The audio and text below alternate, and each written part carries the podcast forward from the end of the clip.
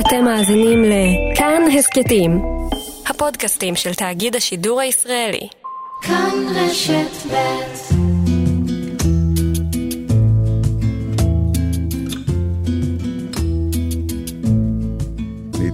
זירו סיכויים לשרוד, והיא הייתה ברימיסיה מלאה. שמונה שנים. זו הייתה התקווה שלי. הבנה שלי שעשיתי משהו בחיים, בניתי בעשר אצבעותיי את מה שיש לי, וחיי הסתיימו. והנחמה שלי זה שקרן, כמו במרוץ שליחים, היא עכשיו תיקח את המקל, והיא תמשיך להוביל את הבנות ואת המשפחה הלאה. שלום תמיר גילת. בוקר טוב. יושב ראש הקרן לחקר הסרטן בישראל. בעצם, אני מדברת עכשיו עם סוג של, לא סוג, פלא רפואי, נכון? כך אומרים. אני לוקח את עצמי קצת יותר בצניעות, אבל uh, הדברים שעברתי בחיים uh, הם באמת uh, מאוד uh, מורכבים, מעניינים ומרתקים, ובקטע הזה של uh, התמודדות עם, uh, עם הסרטן, uh, זכיתי אה, להשתתף בשני ניסויים קליניים, ו... ולא רק ששרדתי אותם, אלא הם הפכו להיות אה, תרופות מצילות חיים. אז יש פה ניסויים קליניים, כשמם כן הם ניסויים, ומן הסתם, אה, במיוחד בשלבים הראשונים, החלק המשמעותי של האנשים שמשתתפים לא שורדים אותם. אז אה, יש בזה משהו... אה... אז, אז ברשותך, בוא נצלול לזה טיפה יותר. מתי חלית לראשונה בסרטן? אני אובחנתי לראשונה ב... התחלתי להרגיש שמשהו לא בהרמוניה בגוף שלי בסביבות ספטמבר-אוקטובר 2010, ואובחנתי ב-8 בפברואר 2011. מה, מה היה לא בסדר שגרם לך ללכת ראשית, לבדיקות? ראשית, אני בא ממשפחה ש... שיש בה הרבה סרטן. אבא שלי נפטר בגיל 51 וחודשיים אה, מסרטן, בידיים שלי כשאני הייתי בן 23. דודים, בני דודים, המחלה נוכחת בעץ המשפחתי. ולא הייתה לי אף פעם חרדה, אבל הייתה בי, אני חושב, אולי סוג של מין... אה, ידיעה? תחושה או ידיעה ש... שלך זה יגיע? שזה יכול, שזה יכול לקרות באיזשהו רגע.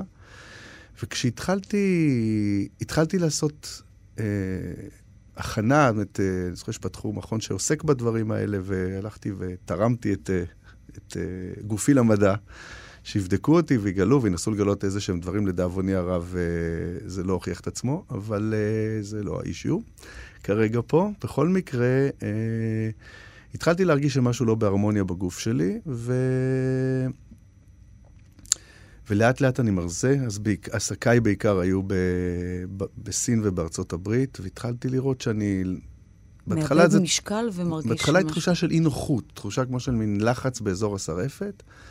ואז לאט לאט מתחיל כאב עמום, ואחרי זה מתחיל להיות כאב מאוד בלתי נסבל.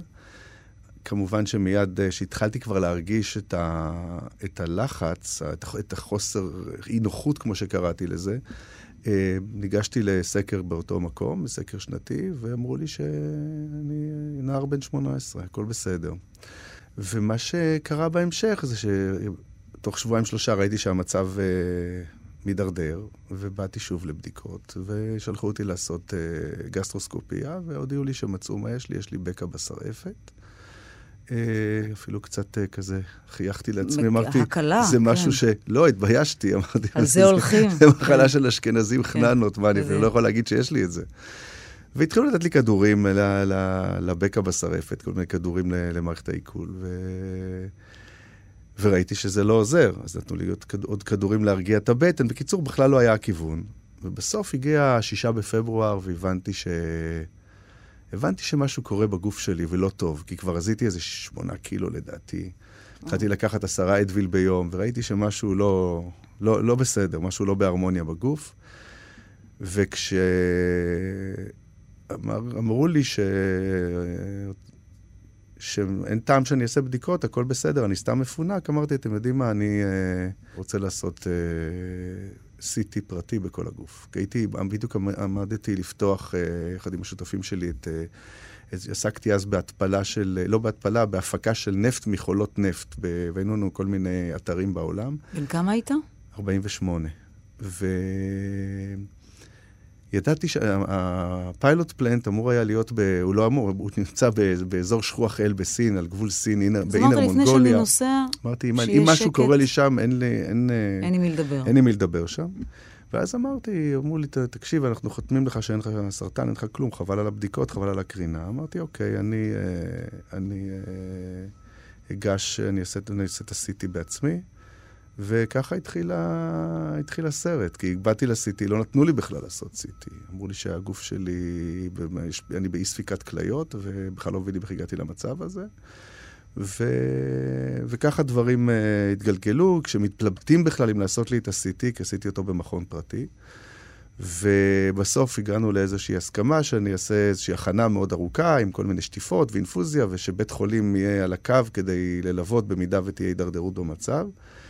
וש... ואז אני זוכר, תביני את ה-state of mind שלי, הבריאות מקודשת.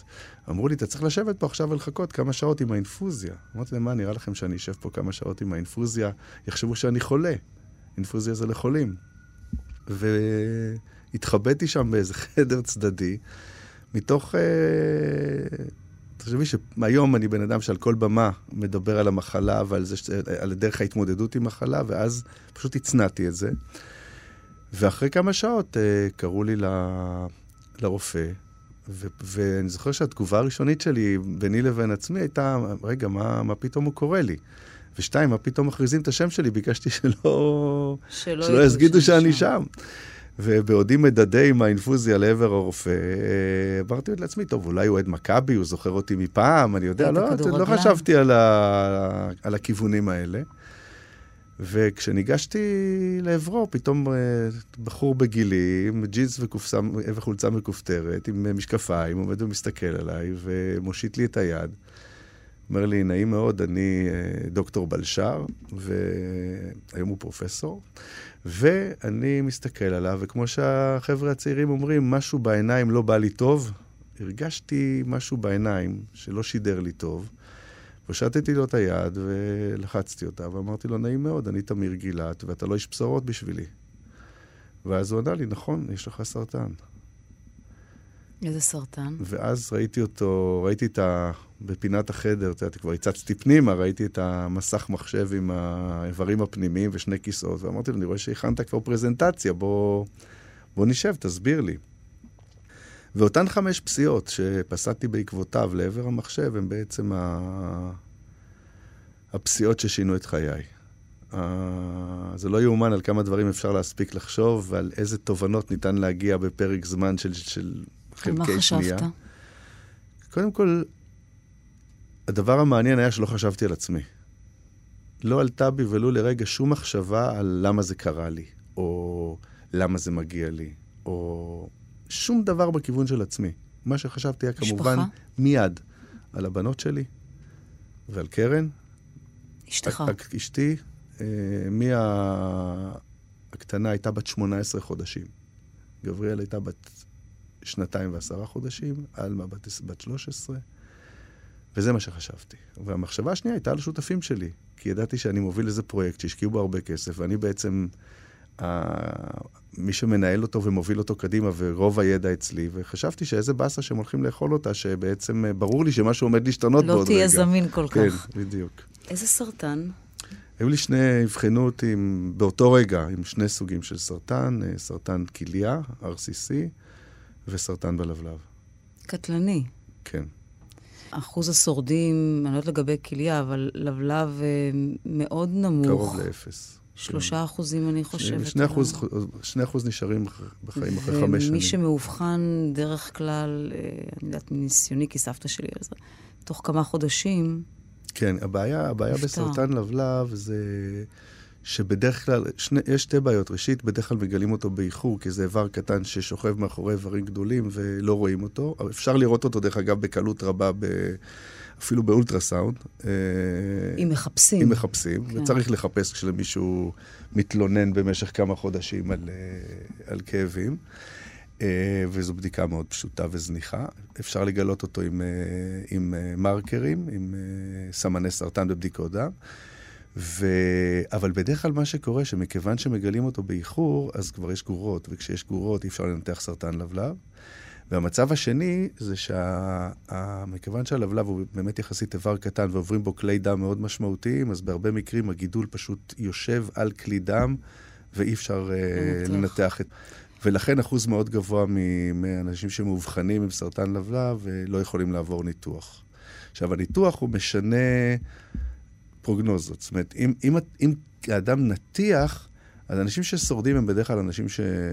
שנותחו, אלה שגילו אותם בלי גרורות, אה. אבל בגלל, כנראה בגלל העיכוב שהיה, ניתחו אותי, לי ניתוח של תשע וחצי שעות, הוציאו לי את, אה, גם את הכליה השמאלית באותה הזדמנות, אבל גם את, את ראש הלבלב וכל האיברים שמחוברים אליו.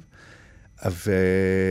אבל אז כשהתחלתי את הכימותרפיה, חודש לאחר מכן, וזה אמור היה, זו הייתה כימותרפיה מניעתית, תוך חודשיים אה, חזרו לי גרורות בכבד, ובעצם אה, אז זה היה גזר דין מוות שני, אז נגמר הסיפור. מתי אתה מבין, אם אתה בכלל, שאתה צריך לחפש משהו אחר, אולי הרופאים מבינים את זה עבורך, כי אני יודעת שאמרו לך, תשמע, הגיע הזמן להיפרד, והסבירו לך את המשמעות, ואתה לא מוותר. אני, אני איש של דרך האמצע. את, uh, אני גם לומד הרבה בודהיזם, אז כנראה אימצתי לי את זה, והתחלתי אחרי, אבל כנראה שהייתי של דרך האמצע עוד קודם. אני מאוד מאמין ברופאים. אני מאוד מאמין ברפואה הקונבנציונלית. אבל אני גם מאמין בזה שאתה צריך לקחת אחריות על החיים שלך. ולא כל מה שרופא אומר הוא קדוש. החוכמה היא לבחור את הרופאים כמו שמנהלים עסקה. ותיקח יועצים טובים ותן להם לעבוד. אני לא אוהב את התופעה הזו היום שכל אחד נהיה מומחה וכל אחד, כל היום, אתה יודע, דוקטור גוגל הפך להיות האורים והתומים של כל... של כל החולים, בעיקר של, של בני המשפחה שלהם, וכל אחד חושב שאם הוא קרא שעתיים בגוגל, אז הוא מבין ברפואה. אז, אז מה אתה אומר? אתה לוקח את הרופא שנתן לך את האופציה שנשמעת לך כמשהו ששווה לנסות? תראי, הבנתי שאני נמצא במקום לא טוב, כי לא אבחנו אותי ונתנו לי פשוט דיאגנוזה מופרכת. ו... ואז הקמתי, הבנתי מי, מי, מי, עשיתי ברורים מי האנשים שהכי מתאימים uh, להיות מטופלים אצלהם. ודרך אגב, תוך כדי ההחלטה הזו, זאת אומרת, היה לי מנתח מופלא, פרופסור uh, קלאוזנר הידוע, uh, אבל אני אחרי זה, תוך כדי ההחל... ההתאוששות מהניתוח הכל, הכל כך קשה הזה, ירדתי 20 קילו, 13 נקזים בגוף. ואת... גם ויתרת על כמה איברים בדרך. ויתרתי, היום, היום כן. נשארו לי שני איברים בגוף שלא הוציאו אותם או חצו אותם, שזה הלב והריאות. כל שאר האיברים הם או הוצאו או נחצו. אבל uh, את רואה, את החיוך לא לקחו לי, אז זה בסדר. Uh, בכל מקרה, הבחירה שלי ברופאה המדהימה שלי, בדוקטור טליה גולן מהמרכז הרפואי שיבא, שהיא המלאך שלי, הכרתי אותה שהייתה בת 36 וחצי, baby. ובכלל הייתי מתוכנן לכיוון אחר. ופתאום שמעתי את השם שלה. אה, מי שהביא אותה לראשונה, זה לא היה, לשול, זה היה לשולחן, זה היה למיטה ב medical center, זו הייתה קרן, אשתי זיכרונה לברכה. שהייתה בכלל בביקורת על הסרטן שלה אצל, אצל פרופסור בלה קאופמן בשיבא, והיא אמרה לה, תמיר מוכרח ללכת לפגוש את טליה גולן. ואני לא אוהב, אני לא אוהב מאלה שמחפשים כל הזמן עוד פתרונות. זאת אומרת, אני לא, כמו שאמרתי לך, אני מנהל את המחלה, אבל מצד שני, אני מאמין שהאויב של טוב מאוד זה מצוין. וכשאתה נמצא במקום טוב, תאמין בו ותדבק בו. אל תחפש כל הזמן מה אין לך, אלא תהנה ממה שיש לך. ובסך הכל הדרך שחשבתי הייתה נכונה. ופתאום קיבלתי טלפון מבחור ש... לא טלפון, הודעת uh, וואטסאפ, מאיזה בחור שהכרתי בטעות בעבודה באיזה פרויקט בחו"ל, שסיפר לי על אחותו הצעירה שהיא רופאת לבלב בשיבא. זאת טליה גולן? אמרתי לקרן, את יודעת מה? אם זה אותו דבר, זה משהו מיסטי, אני חייב לפגוש אותה. וזה מה שהיה. ובאתי אליה, אני עוד זוכר שאמרתי לו, תשמע, אבל תסדר לי שאני לא אחכה, אני במצבי, אני, אני בקושי הולך. אומר לי, אין בעיה, זה אחותי, מה אתה דואג? אחרי חצי שעה הוא מתקשר, הוא אומר, היא כל כך תשמח לראות אותך, רק יש בעיה קטנה. אומר לו, מה הבעיה? הוא אומר לי, אתה תחכה כמו כולם. אמרתי לו, טוב, אם זה מה שהיא אומרת, אני אחכה כמו כולם, רק קח בחשבון שאני... שאין זמן. שאני במצב קשה. ואכן באתי לשם, ופשוט uh, זו הייתה אהבה ממבט ראשון. ואיך שאני אומר בהרצאות שלי, I put my life in her hands with a big trusty smile. את שני הניסויים הקליניים עברת אצלה, דרכה? הניסוי הקליני השני הוא בכלל מתחום אחר, הוא מתחום האימונותרפיה, כי הוא, הוא בעקבות זה שאחרי שזה... ארבע שנים, הסרטן כליה שלי, שהיה שקט אה, ארבע וחצי שנים, חזר. פתאום אה, חזר ושלח גרורות לכל הגוף. אימונותרפיה זה כשמשתמשים במערכת החיסון, נכון? מגייסים אותה לטובת מלחמה בתאים הסרטניים? כן. כלומר, זה לא כימותרפיה בדיוק. שעובדת על כל גם הגוף. גם הטיפול הראשון הוא טיפול ביולוגי. Mm-hmm. הטיפול הראשון זה בעצם ניסוי שמטרתו הייתה להאריך חיים ב... מטרתו הייתה להאריך חיים בכמה חודשים לחולי uh, סרטן שד, שחלה ולבלב, שהם נשאי BRCA והם עם סרטן גרורתי. Mm-hmm. והמטרה הייתה להאריך חיים בכמה חודשים. ופה כשדיברת בהתחלה על הנס, זה באמת שזה תפס אותי ל- לכמה שנים. כי השאר מתו, נכון? מי ששתת בניסוי. אנשים באמת זה האריך את חייהם, אבל לא, לא לפרקי הזמן האלה. Mm-hmm. אבל מה שחשוב זה לא עצם העובדה שאני פה, זה נורא נחמד. באמת, כאילו, נורא נעים לי פה לשבת איתך באולפן, ו- ובכלל, החיים יפים. אבל אני לא האישיו פה. האישיו פה שבעקבות זה שיש אנשים ששרדו ו- לתקופה מסוימת. אפשר להשתמש בתרופה. הלכו והמשיכו לחקור את התרופה. Mm-hmm. ומהתרופה, מה, מהניסויים הקליניים האלה באולפרי, בפארפ אינהיביטור, יצאה תרופה שהיום מצילת חיים. מצילת אה, חולות סרטן אה, שד, שד, שחלה ולבלב שהם נשאי BRCA, וזה העניין. זה היופי של המחקר.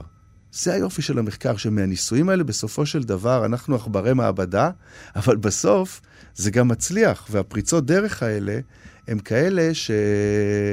שהן מפיחות תקווה גם לחולים ולמשפחות שלהם, וגם להמשיך לטפח את המחקר, כי רק באמצעות המחקר אפשר להתגבר על הסרטן. אבל תקנתם לי, ניסוי קליני הולך אדם שמאפסה התקווה לגביו בכל הנוגע לטיפולים אחרים שבדרך כלל עובדים. בדרך כלל כן. ואם הסרטן, קל וחומר, חוזר פעם אחר פעם, תמיר, אז לשם מנותבים האנשים שלא בהכרח חושבים שהניסוי יעבוד אצלם, אבל כבר אין מה להציע להם. אז זה נכון, אבל יש גם הסתכלות על התאמה קלינית. זאת אומרת, בהחלט יכולים לבוא למצב, לאדם היום שהוא לא במצב כבר שאין מה לעשות, אלא שיש אופציות, ובהחלט יכולים להציע לו להשתתף בניסוי קליני. זאת אומרת, זה, זה לא כמו שאת יודעת, רק מצבים כאלה, זה נכון, תזכרי שניסוי כשמו כן הוא. כן. ניסוי. זאת אומרת, אה, יש הרבה מאוד, רוב האנשים לא מצליחים בניסוי. אבל אני רוצה לשאול אותך, רק נאמר למי שמצטרף אלינו עכשיו, אנחנו משוחחים עם תמיר גילת, הוא יושב ראש הקרן לחקר הסרטן אה, בישראל, והסרטן חזר אליך מספר פעמים. מה זה אומר להיות בניסוי קליני? צריך להיות ממושמע מאוד, אה, לשנות את כל החיים שלך, ליטול תרופות ולסבול מתופעות לוואי קשות שבעצם משבשות את היכולת שלך תראי, לנהל כל... חיים תראי, כל, כל ניסוי והמאפיינים שלו. הניסוי שלי, הביולוגי, הניסוי הראשון, הפארפ אינהיביטור, אה, זה הניסוי שלקחנו בו 16 כדורים מאוד גדולים. פעמיים ביום, לוקחים כל פעם אה, מנה של שמונה, וצריכים לצום שלוש שעות לפני ואחרי, וצריך 12 שעות בין פעם לפעם. זאת אומרת שאתה צריך להיות מתוכנן ברמה אבסולוטית ולחיות לפי הכדורים. Mm-hmm. אבל כל כדור נשקתי באהבה. כל כדור ממיליאן. לא, לגמרי, כי כל כן. כדור, את יודעת, אנשים אומרים לי, מה, אתה צריך לקחת כל כך הרבה כדור? כולה כדור, אתה אומר. לא, זה כדורים מאוד גדולים, עם תופעות לוואי קשות מאוד, אבל החלופה היא לא לחיות. החלופה היא, וזה מה שאנשים לא מבינים. אתה לפעמים באים אליי, אנשים אומרים לי, אל תשאל איזה צרה, אני, יש לי, גילו שיש לי כולסטרול גבוה, ואני צריך עכשיו כל החיים לקחת כדור, שניים, שלושה ביום. תנשק את הכדורים האלה, כי פעם אנשים היו מתים מכולסטרול גבוה. זה מה שאנשים לא מבינים. תנשקו את הכדורים האלה בתודה. וכן, יש הרבה מאוד תופעות לוואי. וכן, אתה מאוד חלש, וכן, uh, אתה כל יום מקיא ועם בחילות וחלש מאוד, אבל אתה לאט לאט לומד את ההשתנות של החיים. אתה לומד, יש מילה מדהימה בסנסקריט ש- שנקראת אניצ'ה. אניצ'ה זה ש... השתנות. ואתה לאט לאט לומד להבין שכל יום, כל היום אנחנו משתנים. אז השתנות או הסתגלות? אם אתה לומד את ההשתנות, אתה בעצם אה, לומד את ההסתגלות. כי בתוך, בתוך המצבים הקשים, בתוך המצבי קשים, ברגע שאתה מבין שאתה חווה רגע קשה, אבל הוא יעבור. הוא יעבור, יהיה אחריו רגע אחר. יכול להיות שיהיה רגע יותר קשה, דרך אגב. יכול להיות שזה יהיה יומיים קשים. אבל אחרי היומיים הקשים האלה, יבואו ימים פחות קשים. גם בתוך הסירקל של הקשה, יש קשה, יש קשה יותר, יש כואב, יש כואב פחות, יש רגע שלא כואב, ואתה לאט לאט לומד לזכך את הרגעים האלה ולהקשיב לגוף וללמוד לחיות אותם. ו- וזו בעצם הדרך בעיניי, שהיא נכונה לי, ללמוד להתמודד עם, ה... עם המצב המאוד מאוד מאתגר וקשה הזה. מתי התחלת להתעניין בבודהיזם? לפני המחלה או אחריה? Uh, היה לי מין סוג של רומן מת, מתמשך, של נגיעות. Uh, על מה, שנבע מאי שקט? סתם, ת, ת, תמיד, תראי, תמיד סקרנו אותי, אני בסך הכל החיים שלי מבחינת הסתכלות מהצד. Uh, את יודעת, מי שיסתכל מהצד, uh, I'm the guy who, who had it all. נכון. למדתי משפטים באוניברסיטת תל אביב, שיחקתי כדורגל במכבי תל אביב בקבוצה הראשונה, התמחיתי אצל אמנון גולדנברג בשין הורוביץ. היה לי משרד שלי שהיה אחד המשרדי, ממשרדי עורכי הדין המובילים בארץ. בסך הכל, החיים uh, היו מוצלחים, אבל לא, לא, לא הייתי הפי. אני מעולם לא ידעתי את המשמעות של המונח שמח בחלקו. תמיד רציתי עוד, תמיד עניינו אותי כל הדברים מסביב. עוד מה? עוד להצליח, עוד להצליח? להשיג, עוד כבוד, עוד כסף, עוד כל מיני דברים שהיום אני מסתכל על זה, את יודעת, זה, זה פשוט אה, מעורר בי אה, חיוך בזווית הפה וצוחק על עצמי. אבל, אה, ו, אבל תמיד היה בי גם את הקול הזה שאומר לי, יש פה גם דברים אחרים. זאת אומרת, לא חייתי בהרמוניה עם עצמי. היה בי מצד אחד את ה drive המטורף להצליח, ומצד שני, את הקולות הפנימיים שאמרו לי, אתה צריך למצוא פה דברים אחרים. ו, וככה בערך באמצע שנות, אני מניח זה היה בסביבות גיל 35, התחלתי לנסוע לכל מיני קורסים, ריטריטים, נגיעות, פה ספר, פה סדנה, פה הרצאה, וזה היה די מצחיק, אתה מגיע עם ה-BMW המופלצת שלך, מוריד את החליפה באוטו, עולה על איזה טרנינג ומשחק אותה עכשיו, מקשיב להרצאה, אבל זה נטע, לדעתי, בזה, בימים ההם, זה נטע בי זרעים. שנבטו ברגע האמת. כלומר, נתן לך את הכלים בבוא היום להתמודד כן. יותר טוב? אני למשל בגיל... או פרופורציות יותר טובות? תראי, בגיל 40 עשיתי את אחד הדברים הכי קשים בעולם מבחינת אתגרים אה, אה, של תרגול. נסעתי, הייתי אז בארצות הברית ב, בלימודים שלי בקלוג. בדיוק היה גם התקופה שה... ה-World Trade Center נפל, בדיוק כשהיינו שם, ונסעתי לויפאסנה. 11 יום של התנתקות ושתיקה. שאתה חי כמו נזיר, בלי שום אמצעים, בלי שום דברים מסיחי דעת, לא ספרים, לא אוכל, לא מוזיקה, לא אמצעי כתיבה, כלום. וכל היום אתה מתרגל מדיטציה. ושותק, אסור לדבר 11 יום. וזה היה אחד הדברים הכי מאתגרים שעשיתי בחיים. אז אין לי ספק שהטביעות אצבע או החותמות של אותו, אותה התנסות ושל עוד התנסויות רבות שעברתי אחרי, כמו אה, חודש בהודו בכל מיני תרגולים כאלה ואחרים, נשארו בי. גם הרעב והאהבה לתחום הזה, הסקרנות לתחום הזה, וגם כנראה נשארו בי כל מיני ניצנים או זרעים שפרצו בבוא העת. וכשחליתי, שאמרתי לך ש... ש... בישרו לי על זה שאני חולה, בעצם לא חשבתי על עצמי, אני חושב שזה חלק שלקוח מאותו תרגול. לא, ולא הייתי מוכן לזה. לא ידעתי, אני לא בן אדם שהיה חף מרחמים עצמיים. לא, אבל מה שמעניין גם זה שזה לא לקחת את זה לעוד נקודת קיצון ואמרת, אז בטח יש פתרונות טבעיים גם. לא, ממש לא. המדע, אין, זה הדבר שיעזור לך, והכלים האחרים הם כלים רוחניים, נפשיים, כוחות. שבהם תשתמש, אבל בעזרת המדע תנצח. ראשית, אני לא קורא לזה לנצח, אני קורא לזה להתמודד. אני לא אוהב את המילה okay. אוקיי. ניצחון, וגם לא אוהב את המילה מלחמה. אני לא נלחם בסרטן, אני חי עם הסרטן. ואני לא מנצח את הסרטן, קטונתי. אני מרכין ראש בפני הסרטן ומנסה להיות איתו בטוב, בהרמוניה. אבל... אה, נשמע כאילו שאתה מפחד להרגיז אותו כן. קצת. כן, נכון? לא, כן. לא להרגיז, אני לא... אני חושב שאת יודעת, אנחנו צריכים לקחת את עצמנו בגודל טבעי. אני לא אוהב את כל אלה שחושבים שהם ניצחו ולא ניצחו, אבל כל אחד ו... עובדה, אתה אומר, זה חוזר. כל אחד, כן. בדיוק. וכשזה חוזר, זה כל כך הרבה יותר קשה להתמודד עם זה, בטח אם אתה לא לוקח בחשבון שזה יחזור. נכון. אם אתה מצליח לבנות setup אה, נפשי, שאתה מצד אחד...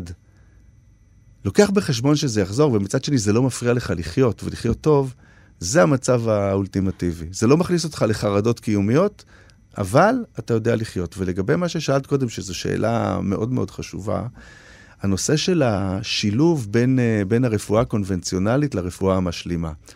אני חסיד של הרפואה הקונבנציונלית, אבל אני חסיד לא פחות גדול גם של רפואה משלימה, ובלבד שישתמשו בה כפי שהיא נקראת, רפואה משלימה.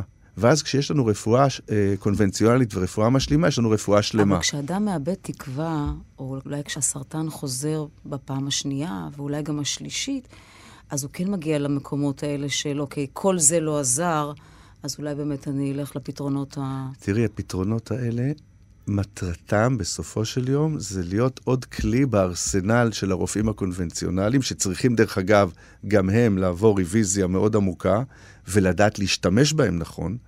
וכל אחד מה שמדבר אליו, כי יש אנשים שמה שנכון להם זה לשנות את התזונה באופן קיצוני. Mm-hmm. יש אנשים שמה שנכון להם זה דיקור, או רפלקסולוגיה, או דמיון מודרך, או מדיטציות.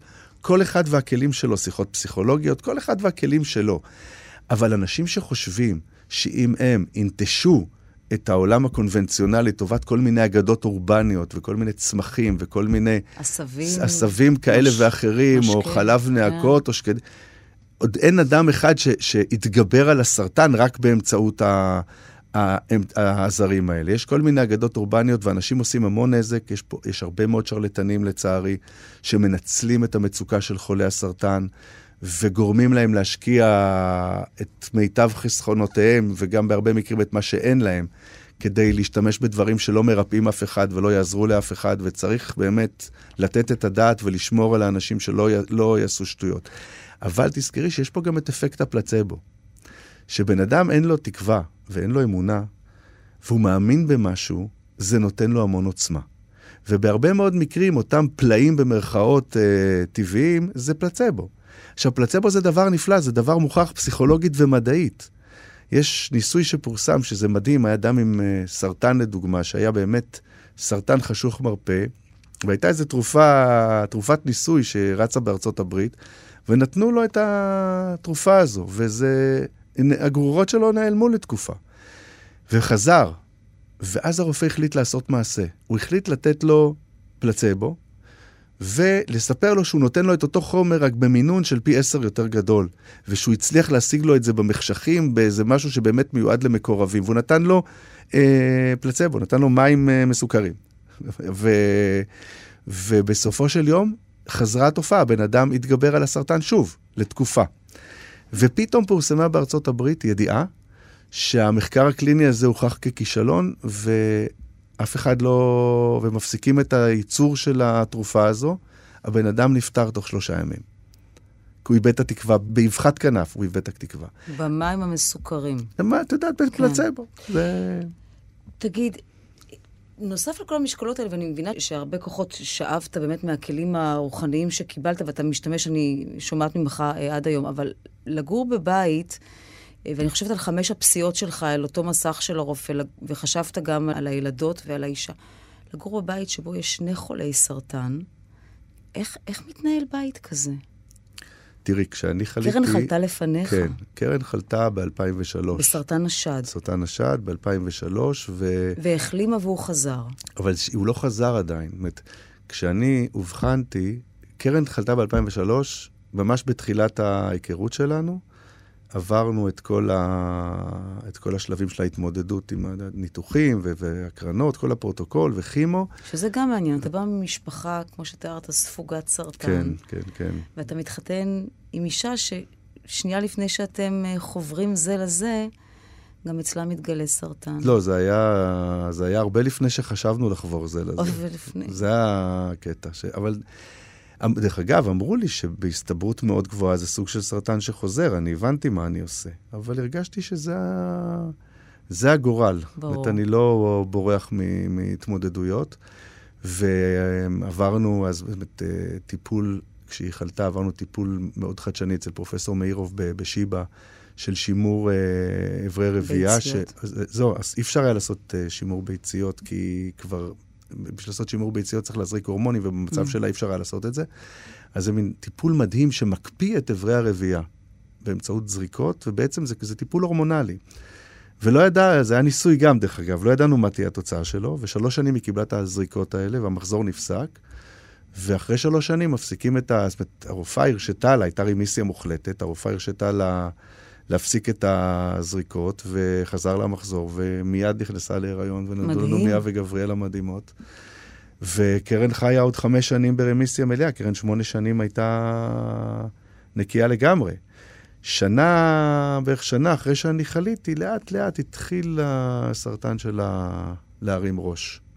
בש... בתקופה הראשונה זה היה ממש זניח ושולי, ובהמשך זה הלך והתעצם והתגבר, וממצב שבכלל היינו משוכנעים בשיחות בינינו, שהיא זו שתקבל את המקל להוביל את המשפחה, והיא ממשיכה את המסורת, המורשת שלנו המשותפת, פתאום uh, היוצרות התהפכו, והיינו במצב ששנינו במצב מאוד קשה, ואז uh, היא עצמה עיניים לפני שנתיים ושלושה חודשים. זה, זה שיחות שבעל ואישה עושים לפעמים, מה יקרה אם, גם אם אין מחלות, אתה תמות ראשון, את uh, תמותי ראשונה, מה יקרה, מי מוביל, מה היית רוצה שיקרה, סוג של uh, תקווה או בקשה או תכנון חיים. וכששניכם חולים בסרטן, אתם מדברים על זה, ואת, והתחושה שלכם זה שהיא תשרוד ואתה לא? כן, בהתחלה זו הייתה התחושה. זו הייתה התחושה. אני הייתי עם זירו סיכויים לשרוד, והיא הייתה ברימיסיה מלאה. שמונה שנים. אה, זו הייתה התחושה. מה ביקשת? זה דרך אגב מה שניחם אותי. מה שניחם אותי היה באותן שיחות... שהיא תישאר עבור הילדות. באותן שיחות שלי עם עצמי בחוץ, את יודעת שסיפרתי לך דוגמה קודם עם הקטע שלה לחיות משבת לשבת, או היו לי עוד כל מיני תובנות כאלה. אה, אז כן, זו הייתה התקווה שלי, ואת ההבנה שלי ש... שעשיתי משהו בחיים, בניתי בעשר אצבעותיי את מה שיש לי, ו... וחיי הסתיימו. והנחמה שלי זה ש... שקרן, כמו במרוץ שליחים, היא עכשיו תיקח את המקל והיא תמשיך אה, להוביל, אה, להוביל את הבנות ואת המשפחה הלאה. איך היא מגיבה? אז שטויות על מה אתה מדבר, או כמוך חושבת שכן? באותה תקופה שזה לא, לא, כשהייתה ברמיסה לא דיברנו על זה בכלל, לא היה. זה לא, הנושא ששאלת עליו, שהוא נושא מאוד מאוד מורכב ומאוד קשה להתמודדות, אה, השיחה בין בני הזוג, והיא בהרבה מקרים מאוד לא פשוטה. כי יש משפחות ויש סיטואציות שהכל נורא פשוט. כי יש מקרים שאת יודעת, ה... ה... הממשיכי הדרך נמצאים שם, אם זה קרובי משפחה, אם זה חברים מאוד קרובים, את יודעת, שגודלים ביחד כל השנים. ויש מקרים שזה הרבה יותר מורכב, אם אין לך דמויות כאלה בנמצא, או אין דמויות כאלה שיכולות, או יש דמויות, אין דמויות כאלה שרוצות. זה נושא מאוד מאוד, אה, מאוד מאוד לא פשוט להת, להתמודדות. דרך אגב, תדעי שבארצות הברית, למשל בקליפורניה, מחייבים זוג נשוי, או אנשים שמגדלים ילדים ביחד, מחייבים לחתום שאם שניהם הולכים ביחד, מה גורל הילדים, ואם לא, היוצרות מתהפכות. המדינה לוקחת חסות על הילדים, ומי שחושב שהוא ראוי לגדל את הילדים, צריך ללכת לבית משפט ולהילחם על הילדים. תן לי להבין רגע משהו, תמיר. אתם בעצם מדברים על האופציה של מה קורה אם שניכם תמותו? בשלבים מסוימים, בטח.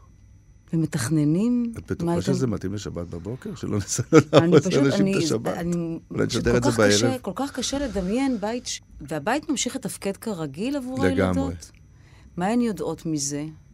באותה עת, כלום. הם ידעו אז שלאבא היה ניתוח בבטן והכל בסדר. על אימא לא ראו כלום. זאת אומרת, גם בכלל לא דיברנו על זה עד שקרן התחיל, התחיל לחזור לה, ואז זה... ומתישהו כן מתחילים כן. להכין אותן? לא, להכין אותן זה... תראי, זה ילדות מאוד קטנות היו. ולהכין אותן, את ההכנה העיקרית, אם אני זוכר, הפעם המשמעותית שבאמת נאלצנו להסביר, זה היה שנתיים וחצי לפני שקרן נפטרה. Mm-hmm. אני הייתי אז בניתוח שלישי, בניתוח שני בפעם השלישית שחזר לי, וזה הניתוח שהוציאו לי את יתרת האיברים מהגוף, וקרן באותו, בעודי מטופל בבית חולים אחד, קרן קרסה בקריסת מערכות, ו... ו... זה היה שנתיים וחצי לפני שהיא נפטרה, והיא הייתה סברה שהיא עומדת לעצום עיניים באותם ימים. ואז נאלצנו לספר לבנות שאימא, שאימא חולה, פעם ראשונה שהשתמשנו במילה סרטן, אבל הרגענו אותם שהכל היא בסדר ואימא תחלים, אימא תתאושש, אבל זו הייתה הפעם הראשונה שהשתמשנו ב, במילה הזו. זה היה בית uh, שמח? מתפ... זה הבית הכי שמח גם מישהו היום. עזר לכם, או ששניכם לבד בהתמודדות הזו? תראי, ראשית... אפילו אה, ברמה, אני חושבת, הפרקטית של מי לוקח לחוג שאבא או אמא צריכים... לא, אה... אז זה, יש לנו עזרה בבית, וגם אה, אימא של קרן אה, כבר גרה איתנו באותה תקופה, mm. היא עברה לגור איתנו כשקרן, המצב שלה התחיל... אה, התחיל אה, להידרדר, אז היא עברה לחיות איתנו, וגם עד היום היא חיה איתנו. זאת אומרת, אה, אז היא מגדלת, אה, זאת אומרת, עזרה מאוד ומגדלת את הבנות אה, יחד איתי היום ויחד איתנו בזמנו, ועושה באמת עבודה, עבודת קודש. והנה, את רואה, אבל גם זה ללמוד לקחת את הדברים למקום הטוב. זה ווין ווין ווין סיטואשן. כי גם מבחינתה זה, זה סיבה וטעם להמשיך את החיים אחרי כזה אסון שאיבדה את הבת שלה. גם, זאת אומרת, הבנות זה, זה כמו חצי בנות שלה, זה האור שלה. גם לבנות זה נפלא שיש דמות קרובה שנמצאת יחד עם האבא, וגם, uh, כמובן, לי יש את השקט ש, שעוזרים לי, אז, ושיש מישהו סמכותי, סמכותי שיש לו גם אהבת, אהבת משפחה לבנות. אני שמה רגע את הסיפור שלך האישי בצד. אתה עומד בראש אה, הקרן לחקר הסרטן בישראל. אלמלא היית חולה בסרטן, היית מעלה בדעתך לבדוק מהי הקרן הזו, לנסות להשיג חוקרים שעוסקים בחקר הסרטן, להשיג תרומות, לפעול, או שרק כשמגיעים לנקודה הזו, אז פתאום מתעניינים באיך אני יכול גם איך, לתת יש לי, בתחום. יש לנו קבוצה של חברים טובים, את יודעת, של מתנדבים בקרן. אז אחד מהם, אה, אמיר, אה, איזה יום אמר לי, זה הקרן הכי חשובה בישראל שאף אחד לא יודע על קיומה. אני גם לא ידעתי עליה. אבל תראי, אז זו, זו כנראה, תשמעי, יכול להיות שזו הסיבה שהשאירו אותי פה לעוד איזו תקופה. כי יש, יש לי פה בכל זאת איזשהו מסע מרתק של, אה, של העברת... אה, רק נאמר, זה עשרות חוקרים בשנה. מקבלים מכם מימון כדי לקיים את המחקרים שלהם אה, בישראל, זה אחד כן. התנאים. מי החוקרים שראויים לקבל את המלגות האלה ולחקור? בכלל קובעת ועדה של מומחים לחקר הסרטן בארצות הברית, על מנת שלא יגידו, זה חבר של תמיר קיבל וזה לא חבר של תמיר לא קיבל, נכון? את יכולה להיות הדוברת בגדול, של... אוקיי. את יכולה להיות הדוברת שלנו. תראי, זה סיפור, זה סיפור מופלא. זאת בעיניי, זה, ולשאלתך לפני, אם מישהו היה אומר לי, לפני תשע שנים, ש... א', תחיה וב', תעמוד בראש לא, הקרן? לפני שחליתי, אני מדבר. לפני שחליתי, מישהו אמר לי, תשמע, אתה תהיה חולה סרטן סופני. אתה תהיה נכה גמור, בלי אף איבר פנימי בגוף. אני רק רוצה לומר שלא רואים אותך, זה רדיו, אתה לא נראה נכה. אני מאמינה לך שאין לך הרבה איברים פנימיים, אבל אתה נראה אדם בריא, אתה נראה חזק, אני, ואתה אני, קורן באופן כללי. יש לי אור שקיבלתי בזכות העשייה שלי כנראה. זה, זה, זה עשייה שמאירה. כלומר, אדם שלא מכיר לא יכול לדעת. ואתה לא. אומר, גם מי שהיה אומר לך, גם לא, לא היית. לא, אבל תחשבי ש... שממצב שבאמת כל מה שהעסיק אותי זה עסקים ועשייה בכיוונים אחרים, ופתאום נגמרו החיים, שתכף אם תרצי נקדיש לזה יותר זמן, אחרי שנדבר על הקרן, ופתאום החיים שלך הופכים להיות חיים שהם אך ורק עיסוק בסרטן, ואך ורק עיסוק ב- ב- בהתנדבות בסרטן, שזה חצי מזמני מוקדש לקרן לחקר הסרטן, וחצי מזמני מוקדש לליווי של חולי סרטן ושל בני משפחה. אחרים היו אומרים לא, בגלל שאני חי את זה בלית ברירה, והמציאות שלי היא מציאות של בדיקות וטיפולים, למה אני צריך גם לעסוק בזה בזמני נכון, החופשי? כי... אז למה? זה, תראי, זה עניין, אה, זה עניין של מבנה של הבן אדם. זה לא שאני יותר טוב והם, פח, והם יותר טובים. כל אחד ודרך ההתמודדות שלו. אני אתן לך דוגמה. אני הייתי שוכב עם קרן במיטה. זה סיפוק? זה מעצים את חיי ברמה שאי אפשר בכלל לתאר אותה למילים. העשייה הזו.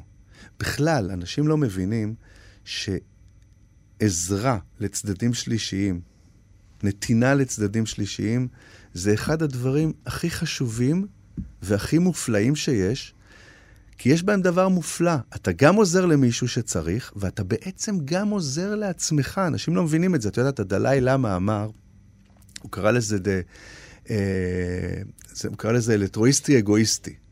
הוא אומר, הוא אמר שאנשים אגואיסטים, בכוונה הקצין את זה, אנשים שחושבים רק על עצמם, שילכו ויעזרו לאחרים. למה? כי זה הדבר הכי מתגמל שיש, וכל מה שמעניין אותם זה שמה שהם עושים מתגמל אותם. אז שילכו יעזרו לאחרים, כי זה הדבר הכי טוב שיכול להיות. אז, ו, ו, ו, ו, וזה מה שגיליתי, וזה מה שנותן לי את הכוח. זה מה שנותן לי את, את הכוח. וכמובן, ה, ה, הדרייב שלי הוא זה שאני רוצה להשאיר לבנות שלי, לשלושת בנותיי האהובות, אני רוצה להשאיר להם פה איזושהי משנה סדורה של איך צריך לעשות טוב, איך צריך לחיות את החיים עם משמעות. וזה ללא ספק אחד הדברים שמניעים אותי. עכשיו, אם, אם נחזור לקרן, אז הקרן בכלל הוקמה ב...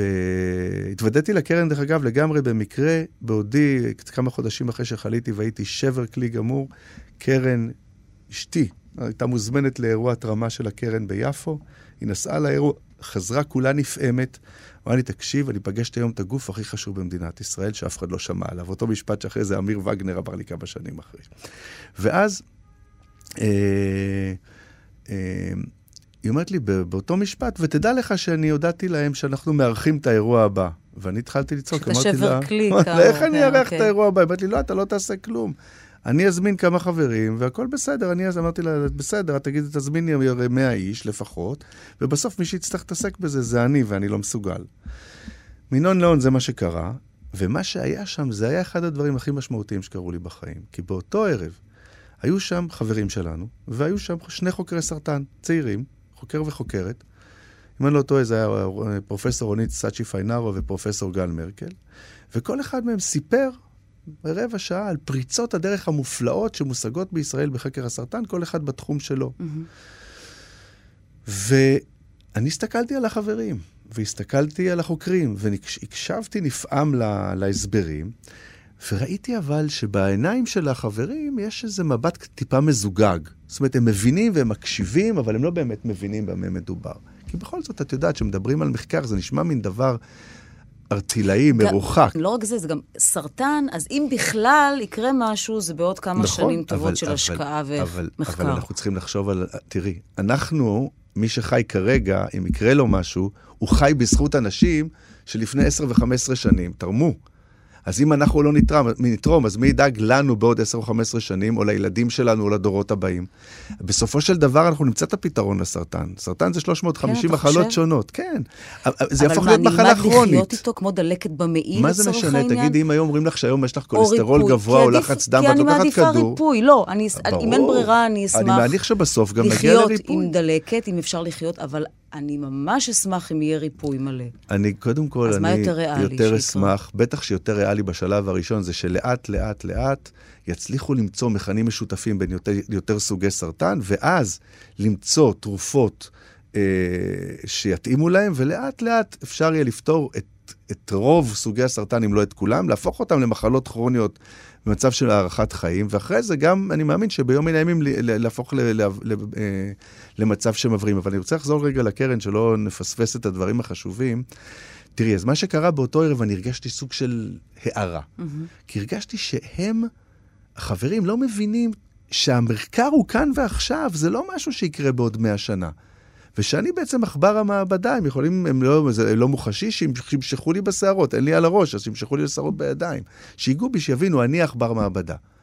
שקפץ מה, מהאקווריום, ברח, ובא לספר לכם את הסיפור.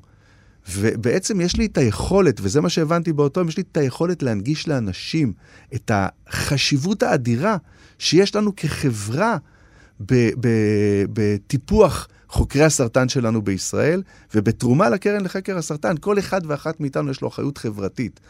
לתמוך בחקר הסרטן, וזה הדבר, מכיוון שאנחנו בישראל, והגוף הכי מדהים שקיים, אם לא היחיד, שקיים באמת, שעוסק במחקר נקי וטהור בחקר סרטן הבסיס בישראל, זו אחר, הקרן לחקר הסרטן, אז צריכים לתרום לקרן לחקר הסרטן. זאת אומרת, כי ישראלים לא כזה תורמים. אבל, אבל ישראלים תורמים, הם תורמים לדברים שמהבטן. הם או, תורמים... או שהם ל... רואים בעין. בדיוק, איזה ילדה, שזה... איזה איש... תראי איזה, איזה מבצע קסום היה סביב המקרה הטרגי הנורא הזה ב- בלוד, שרצחו שם את ה... את, אה, בחנייה. בחנייה, כן. ותוך שבוע אספו לאישה, לאלמנה המסכנה הזו, שני מיליון שקל. זה מדהים. אבל אנשים רוצים לראות את התוצאות מיד. אני אומר לכם, זה קורה כאן ועכשיו, זה הזמן שלנו לדאוג לעתיד שלנו, לדאוג לדורות הבאים, לדאוג לילדים שלנו. עכשיו, תביני, הקרן לחקר הסרטן כבר קיימת 45 שנה, אני לא הקמתי אותה, אני בסך הכל כרגע צינור להעביר את ה... שלה, בדיוק, כן. אני בסך הכל צינור להעביר את המידע הזה, לשאת את הבשורה הזו. ו- ועד היום אנחנו מימנו יותר מ-2,400 מחקרים, חילקנו יותר מ-75 מיליון דולר, ואנשים צריכים להבין שכל שקר, כל שקל עוזר. זאת אומרת ששומעים מחקר, חושבים, וואו, מי שאין לו לתרום עכשיו חצי מיליון דולר, אז אין את לו טעם לתרום. מה פתאום? כל תרומה של, של, של 50 שקל ושל 100 שקל ושל 500 שקל, ובצידן תרומות יותר גדולות, הם אלה שעוזרים לאמץ את החוקרים הישראלים. תביני שעלות של חוקר ישראלי בתחום סרטן הבסיס, שזה זה ה basic של ה basic, זה כמו בהייטק, ה-pre-seed money. זה הכסף הראשוני, זה הרעיונות הכי משוגעים, החשיבה מחוץ לקופסה, הישראליות היפה בפריחתה. באמת היכולת לקצר תהליכים, לחשוב אחרת, לבוא נגד הזרם ולבוא עם הרעיונות שמשם יצמחו התרופות הבאות. תמיר, נגמר לנו הזמן. חבל. כן, גם לי מאוד חבל. אני רוצה לשאול אותך, אתה מפחד קצת? בכלל לא? תראי, אני לא מפחד, אה, ומפחד בו זמנית. למדתי, הדבר היחידי שבאמת קורע את ליבי זה, זה, זה כשאני אעצום את עיניים, בני, בנותיי אה, תהיינה בלעדיי. זה הדבר היחידי שבאמת קורה אתה לוקח את זה בחשבון. אני הגעתי פעם ראשונה בחיים, הבנתי את משמעות המונח, המונח שמח בחלקי. אני, מה שאני עושה היום, הוא כל כך הרבה יותר מעצים ומרגש. עם כל הקושי שלי, ויש לי ימים מאוד קשים, ויש לי ימים שאני שוכב, ויש לי הרבה, אני מקבל טיפולים כל שבועיים שלושה, ואני לוקח ביום עשרות כדורים, ואני, ואני חי עם זריקות כל היום, אין לי לבלב, אין לי הרבה איברים בגוף. אבל אבל עדיין העשייה שלי היא, היא עשייה שיש בה המון סיפוק והמון חשיבות, וזה מאוד מעצים אותי. יחד עם זה, המחשבה על המוות היא, היא באה כל הזמן, זה ברור.